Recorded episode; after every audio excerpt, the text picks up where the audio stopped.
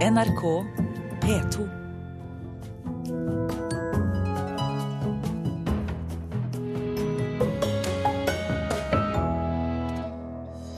Et skrin solgt for 1200 kroner kan være en kulturskatt fra 1200-tallet.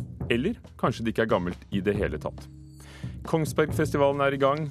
Gode og sikre navn i år, sier kritikeren vi har invitert. Og en kyndig leser anbefaler barne- og ungdomsbøker for sommeren i Kulturnytt i dag. Her i Nyhetsmorgen i NRK P2 Alltid nyheter med Ugo Fermariello i studio. Et skrin som ble solgt for 1200 kroner på auksjon i Porsgrunn, kan vise seg å være en skatt fra 1200-tallet. Om skrinet viser seg å være så gammelt, kan det være verdt over 1 million kroner. Men hvis det faktisk er fra middelalderen, har staten forkjøpsrett, så nå skal Nasjonalmuseet hente skrinet og se på saken. Jon Rømer ved auksjonshallen i Porsgrunn er usikker på om skrinet i det hele tatt er gammelt. Det skal nok ikke være hengsler eller beslag eller noen ting på dette. Det skal nok være bare et, et lokk som blir lagt på, og det skal være til nattverdsbrød. John Rømyr ved auksjonshallen i Porsgrunn peker ned på et rektangulært skrin. Det er dekket av malte, ikoniske bilder. Og så er det nattverden som er bilda rundt. Skrinet ble kjøpt i Sverige, og eieren solgte det videre på auksjon i Porsgrunn for 1200 kroner. Like etter ringte fylkeskommunen for å forklare at de hadde solgt et skrin fra oldtiden. Nå skal skrinet over i statens eie, men Rødmyr er usikker på om skrinet faktisk er gammelt. Jeg så på dette her som noe som var laget som en kopi i Øst-Europa. De brukte nok noen smidde nagler eventuelt, men det, det her er ikke smidde nagler. For det første så er jo disse selvfølgelig sekundære, disse beslagene. Det er jo ikke gamle. det er satt på i hengslene. I dag vil Nasjonalmuseet hente skrinet. Kulturminneloven gir dem rett til å kjøpe skrinet for 1200 kroner, selv om det viser seg å være uvurderlig. Det skulle vært veldig moro om det var ekte. Jeg skal uh, legge meg flat, jeg da, og si at uh, og applaudere. Men uh, jeg vet ikke, jeg skal kose meg kanskje litt hvis det er uvektig. Men fylkeskommunen er ganske sikre. Maleriene ser tidsriktig ut, og skrinet er ifølge Team Kulturminnevern fra middelalderen. Og de nye hengslene er ikke Geir Sørum bekymret for. Han er konstituert teamleder i Team Kulturminnevern, og han mener det er naturlig at det er moderne elementer på et eldgammelt skrin. Det kan være 800 år gammelt. Og det har eh, skjedd reparasjoner, og så er det kanskje blitt malt opp etterpå. Det er veldig mange muligheter til å forklare det. Ting som blir så gammelt, er er alltid reparert på et eller annet vis. Ja, du, du, skal ha veldig veldig mye kunnskap for å kunne forfalske det. Gunhild Randen, som er rådgiver i Telemark fylkeskommunes Team Kulturvern, tror at skrinet ble brukt til nattverden. Hun blir mer og mer sikker på at skrinet er gammelt, og tror det kan være fra 1200-tallet. Jo mer jeg så på det, desto mer overbevist var jeg om at det her faktisk måtte, at det virka som at det var så gammelt. Og her har du jo da et nattverds, eh, nattverdsmotiv. Så kan det være den unge Kristus som er framstilt uten skjegg. Eh, og det er jo veldig uvanlig at Kristus blir framstilt uten skjegg. Han har som regel alltid skjegg. Men man vet på eh, det som er igjen av eh, gamle Ål stavkirke fra Hallingdal, så framstilles Kristus også på samme måte, altså unge Kristus uten skjegg. Så man finner det samme motivet i norsk middelalder, også malt.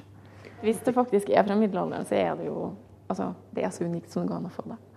Sa Gunhild Randen i Telemark fylkeskommunes kulturvern. Reporter var Tellef Dahl.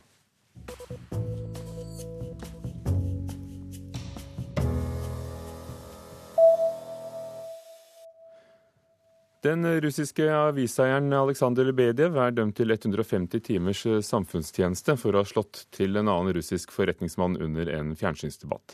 Lebedev eier flere store aviser i både Russland og Storbritannia, har tjent godt på det. Det var i september i 2011 at han slo til eiendomsutvikleren Sergej Polonskij, da de begge deltok i et TV-program. Og partiveteraner i Høyre advarer partiet mot å kutte i pressestøtten. Jeg støtter ikke forslaget, sier tidligere kulturminister Lars Roar Langslett til Klassekampen. Det vil trolig gå utover aviser som Dagsavisen Vårt Land, Klassekampen og Nasjonen, og vil være et stort tap for norsk presse, mener Langslett. Erna Solberg har varslet at hun vil kutte rundt 100 millioner kroner i pressestøtten.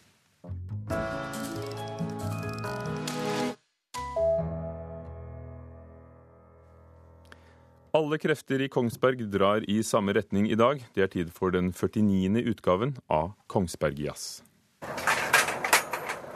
Ja, nå skal jeg sette opp eh, borda langs eh, fortauet her.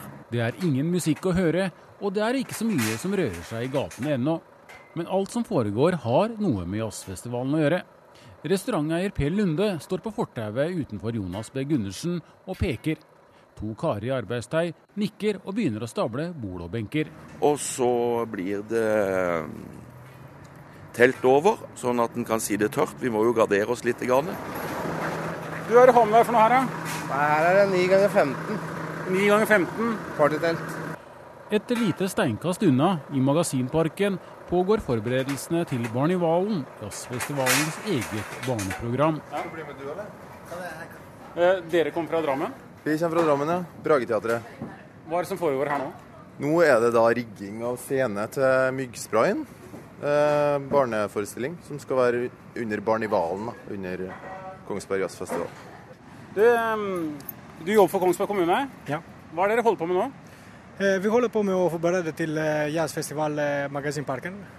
Og det betyr at dere rydder og pynter opp? Det betyr at vi rydder opp alle ugress fra hele parken beskjære tre, og så lukke alle steder som eh, det er behov.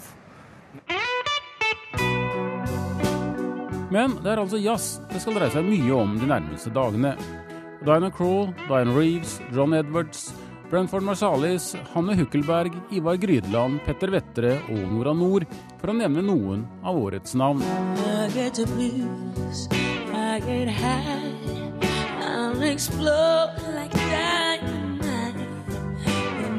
Du kommer gående her med ei tralle. Hva er den til? Det er til salgsgruppa, for nå skal vi begynne å lempe kartonger fra lageret. Og så oppi tralla her, det er kartonger fylt av T-skjorter og programblad, og det er vesker og CD-mapper all verdens. Så skal vi begynne å lempe det på plass i hyllene inn i salgsteltene våre. Er du en sånn frivillig funksjonær? Ja, helt frivillig funksjonær. Tatt med ferie for å jobbe frivillig for festivalen, ja. Det, det, som er det viktigste for oss av alt, det er det at vi får til å bidra med å lage en folkefest i byen. Det syns jeg absolutt er det viktigste. Ja, så du som restauranteier syns du tar ansvar for å bidra til folkefesten? Vi har gjort det i mange år, syns jeg. Og mange med meg syns at vi gjør det litt riktig. Og det er vi litt stolt av. Please, please, please, please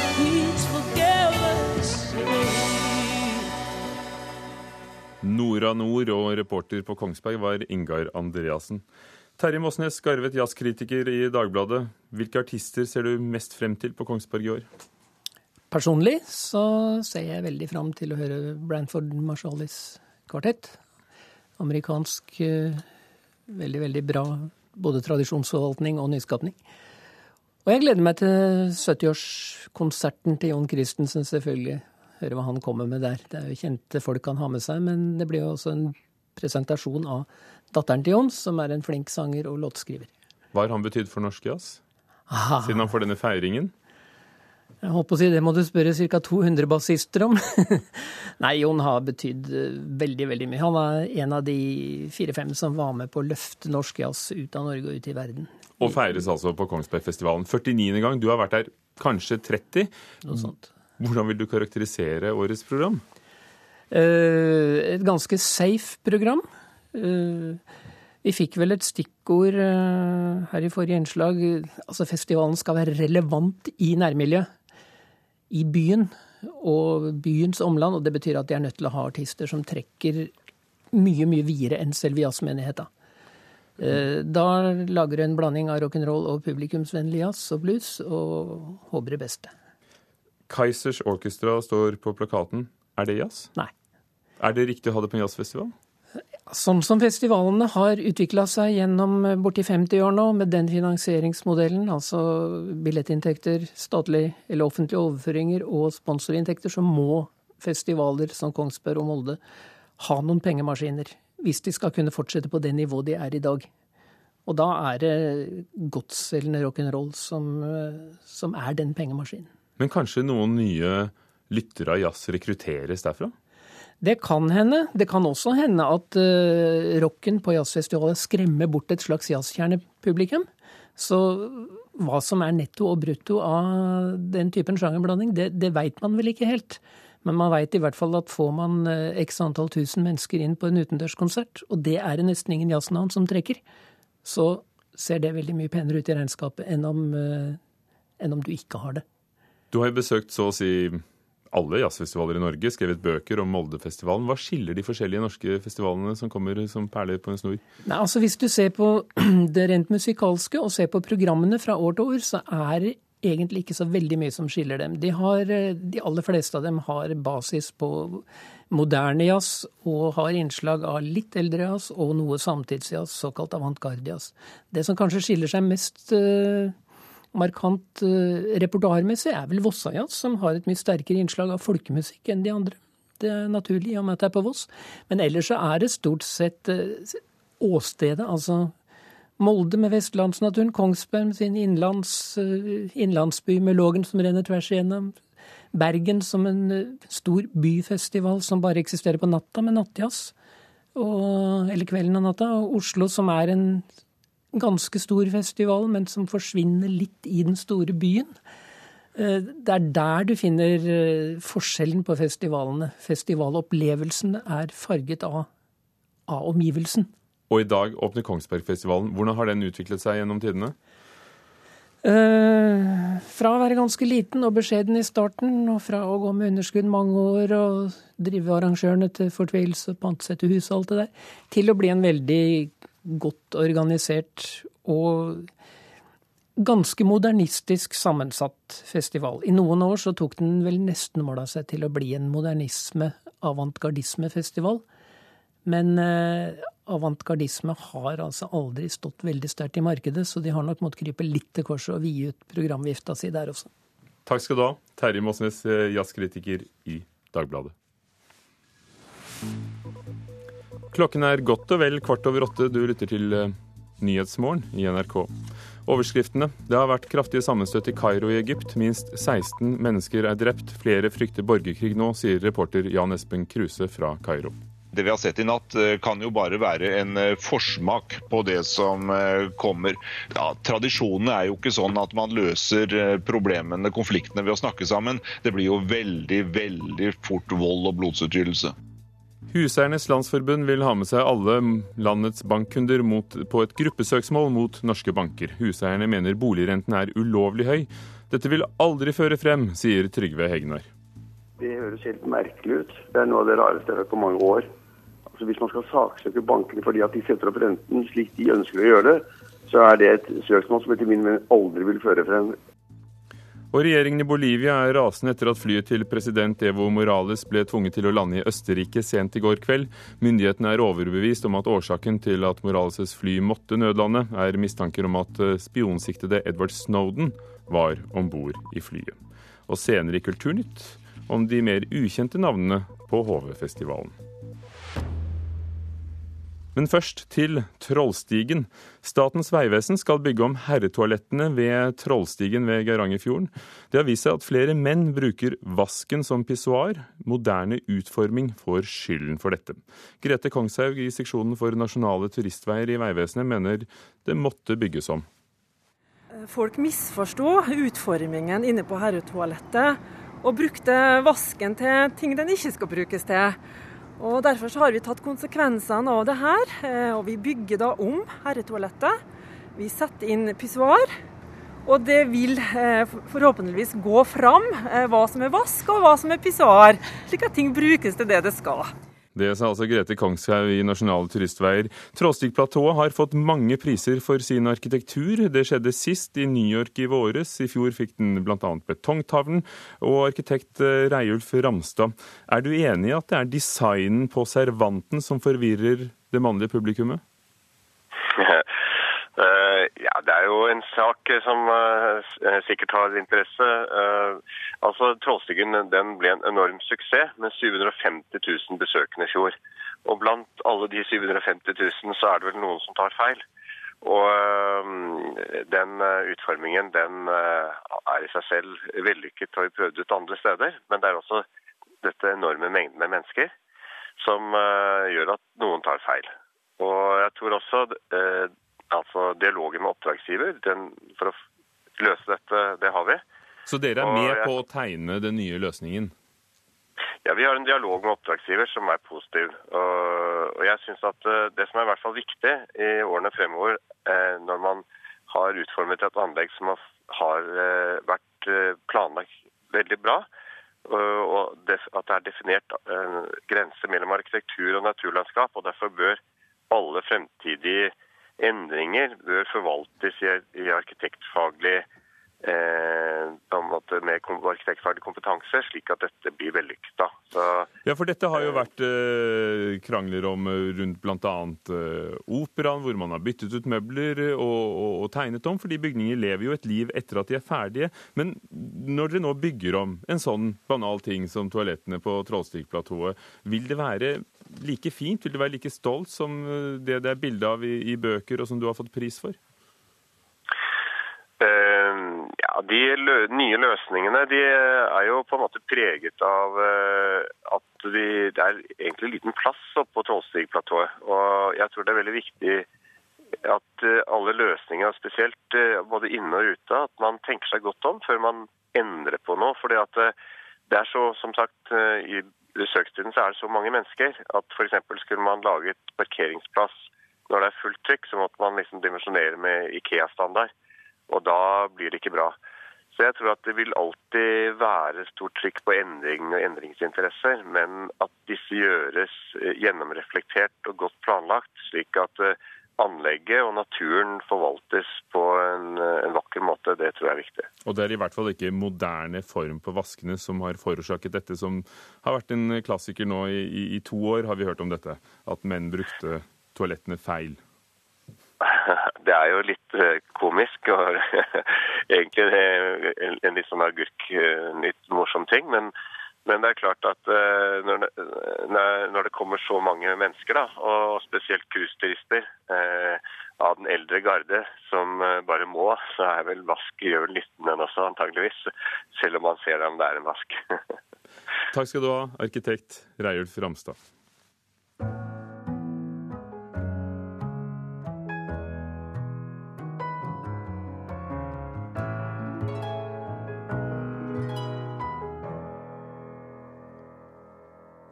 Onsdager i sommer inviterer Kulturnytt eh, folk som leser mer enn de fleste, for å anbefale litteratur. Og først ut Dag Larsen, som leder utdannelsen ved Norsk barnebokinstitutt. Hei. Hei. Vi har eh, nettopp siden du er leder en utdannelse, to stor tiltro til dine pedagogiske evner. For eh, du tar for deg seks bøker på like mange minutter. Hvorfor så mange? Jo, fordi at det, det, er vanskelig å velge én. Det er veldig mange gode bøker. Eh, jeg tar for meg noen eh, bøker som kan, kan, kanskje kan være ungdomsbøker i en eller annen forstand. Eh, ungdomsbøker er veldig upresist, fordi de strekker seg fra barn til unge voksne når det er ungdomsbøker. Sett i gang. Ja, Jeg kan begynne med Mona Khan, 'Skitten snø'. En bibliotektopper. Eh, Nina Marie Fugt Østli, 'Min tid kommer', som er en skremmende aktuell roman om hvordan et ungt menneske utvikler, utvikler reindyrka ondskap. Sanne Mathiassens 'Dagene før mai', en kortroman der det absurde blandes med det realistiske. Og så er det Siv Willer, hvis vi skal ha litt humorsveis her. Eh, 'Hockeysveis fører til dårlige rim'. Det er en ellevill og absurd roman for dem som har eh, lyst på kostelige nødrim. Det er en veldig spennende sjanger. Eh, for å stoppe litt der. Eh, hva er, gjør en barne- eller ungdomsbok god? F.eks. disse som du har nevnt. Hvorfor disse? Ja, Det er søren meg vanskelig å svare på, altså. Men eh, det, det skiller seg ikke så veldig mange, mye ut fra andre bøker for voksne heller når det gjelder hva som er De, må være godt skrevet. Eh, ganske enkelt. Og så må de ha en, hvis det er en fortelling, så må de ha en bra historie. Mm. Det er eh, nokså basale krav, egentlig. Eh, og hvor, om, om, de slår, for, slår an blant barn og ungdom eller ikke, det, det er bingo. Jeg skal, jeg skal be deg gjenta navnet etterpå, men fortsett. Ja, Marianne Kaurin, 'Nærmere høst'. En sterk roman fra krigen om kjærlighet og ulykke. Jeg tar med åtte, jeg, skjønner du. Ellen Fjestad, 'Sammen skal vi holde himmelen', som stiller spørsmålet kan man elske et annet menneske så høyt at man mister seg selv. Synne Lea, 'Leo og meg', som tar opp et hovedmotiv hos denne forfatteren. Vennskap og vennskapets vanskelige prøver. Og en barnebok, Nina Elisabeth Grøntvedt, 'Absolutt ukyssa', som er oversatt til mange språk. Illustrert dagboksroman. Men Og så kommer en klassiker. Så kommer en klassiker. Og det er Fibben Hall og Ulf Nilssons 'Her er en liten gris'. Og det er min, kanskje en av mine sommerfavoritter. Den leser jeg hver sommer. Og så holder jeg en liten forelesning for forfatterstudenter om den. Hva sier du til dem? det, er, det, er, en uh, bilderoman som er veldig begrensa i antall sider. Jeg har faktisk ikke helt hvor mange sider den er. Den er oversatt av Nils Fredrik Dahl. Den, uh, den handler om en gris som forelsker seg i frøken Gris. og han gjør alt mulig for å få tak i frøken Gris. Han, lærer, han, kjøper seg til og med en bok hvor han skal lære å stupe kråke for å imponere frøken Gris. Og det fører til at han brekker halen og ødelegger nesa. Og da går han rundt og grynter, og så sier han Hvorfor kan ikke forfatter skrive gode bøker? Hvorfor kan de ikke skrive bøker om at griser er sterke, vakre og vennlige? Hvorfor kan ikke griser få være som de er? Hvorfor er de nødt til å stupe kråke? Eh, og da finner han på at han skal skrive en bok selv. Det går ikke særlig bra. Men han vinner 'Frøken Gris' til slutt. Eh, dette er en bok som kan leses av eh, folk fra tre år til 100. Tydeligvis, siden du leser den hver sommer. Og den må man på biblioteket for å finne. Ja, det er det som er greia, da. Eh, det beste, beste stedet for å få tak i barne- og ungdomsbøker er faktisk bibliotekene. Bibliotekene er eh, det stedet hvor eh, barnebøkene har lengst levetid. Det er derfor også barnebøkenes viktigste markedsplass. Fiben Hall og Ulf Nilsson, 'Her er en liten gris', oversatt av Nils Fredrik Dahl. Mm. Nå skal du få gjenta de seks andre i rask rekkefølge. Ja. Mamona Khan, Nina Marie Fugt Østli, Sanne Mathiassen, Siv Wyller, Marianne Kaurin, Ellen Fjestad, Synne Lea og Nina Elisabeth Grøntvedt. Det er forfatterne. Som du anbefaler. Takk skal du ha, Dag Larsen, for at du anbefalte sommerlektyre. Eh, du er altså ved Norsk barnebokinstitutt. Takk skal du ha.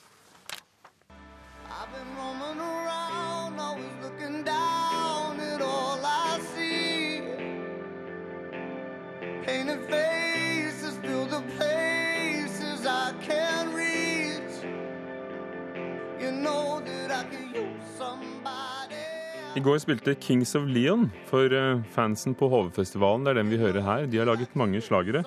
Men HV-festivalen rommer også band som ikke er så store og kjente ennå. Tammy Tamburin er et av dem. De spiller på HV for første gang. Og i går traff vi tre av bandmedlemmene dagen etter deres aller første HV-opptreden. Og det var så gøy. Det var som en drøm. Publikum det, Først så, så, så, så satt de bare der, litt sånn der langt unna, og visste ikke helt. For jeg tror ikke de har hørt oss uh, før. Men til siste låta så kom alle helt innpå, springende innpå. For jeg sa 'publikum, kom hit, da!' Kom hit! Og alle bare 'ja, vi kommer!' Og så fikk jeg med alle sammen helt, helt på slutten, og alle bare jubla. Og det var så, det var så et, Det var et kick. rett og slett. Vi kunne gjerne ha spilt hver dag, ja, men uh, det er litt deilig å bare kunne ja, slappe av og være sammen og ha det gøy og se på andre band. Og ja. har liksom gjort unna det vi har kommet for å gjøre, og så måtte kose oss. Hvis dere kan beskrive hva HV er for dere? HV er hva er det? Det er det, første, det er det største vi har gjort. Og vi har jo vært der før. Og det har alltid vært drømmen liksom, å få spille her. Så vi er bare superhappy med det. Jeg kjenner meg ganske rutinert i festivallivet, så det er vel uh en festival for meg. ja. Og, og, ellers, hva skal dere gjøre nå? Bare gå rundt og høre på musikk? I dag skal vi se på Kings of Leon bl.a. Og så skal vi ha en sånn liten jam på campen vår. Samle litt folk og kaste gitar og munnspill og lage litt god stemning. Og forhåpentligvis få oss noen nye fans. Det hadde vært kult. Det er det som jeg tenker at eh, når man først er på HV-festivalen, så er det så, så, så mange som har lyst til å høre ny musikk. Visst, visst var det så Maria, i går etter siste låten så var det folk som ropte etter en låt som som ikke vi spilte. Ja. ja. Og de visste om det, men vi visste ja, Ble dere overrasket? Ja, ukjente fans bare 'velkommen til Tammy Crew'. men for, er det et ganske lite band? Eller altså, sånn, eh, som dere sa i stad, at det er ikke så mange som kjenner til dere? Ja. Nei, nei, det er ikke så mange. Nei, det er ikke det, altså. Det lengste vi har reist for å spille, det er vel i Brattvåg, tror jeg. så det er vel enda opp dit, og så er det liksom slutt på fansen. ja, Men nå er, håper dere å få litt flere fans her på festivalen? Ja, vi håper det. Ja, fordi vi har lyst til å spille hele tida. 200 dager i året. Men bor dere her på campen, eller er det ja. Vi har ingen um, hotell, om man sier så. Vi, vi, er blant alle andre. Det er ikke noe sånn divanykker eller Nei, nei, nei. nei. nei. Champagne på Grand Café, det er ikke helt passa. Passa ikke helt vår stil. Ja, det var uh Tammy Tamborin på HV-festivalen, og reporter på Tromøy i Arendal var han Elen Gjerde. Vi tar med at uh, det åpner en utstilling med Amy Winehouses eiendeler på Det jødiske museet i London. De stiller ut uh, alt fra hennes første gitar til Grammy-statuetten hun fikk etter at hun døde i 2011, 27 år gammel. Og kjoler fra konserten og skoleuniformen hennes. Men dette skal være en nær utstilling hvor vi får se mennesket bak, sier museets sjef til The Guardian. I Kulturnytt i dag har vi hørt om et skrin som ble solgt på auksjon for 1200 kroner, som kan vise seg å være fra 1200-tallet. Og vi fikk anbefalt litteratur for barn og ungdom. Navnet kan du høre igjen hvis du hører innslaget på radio nrk.no. Hanne Lunes, Ina Strøm Ugo Ferve Mariello sto for Kulturnytt. Hør flere podkaster på nrk.no podkast.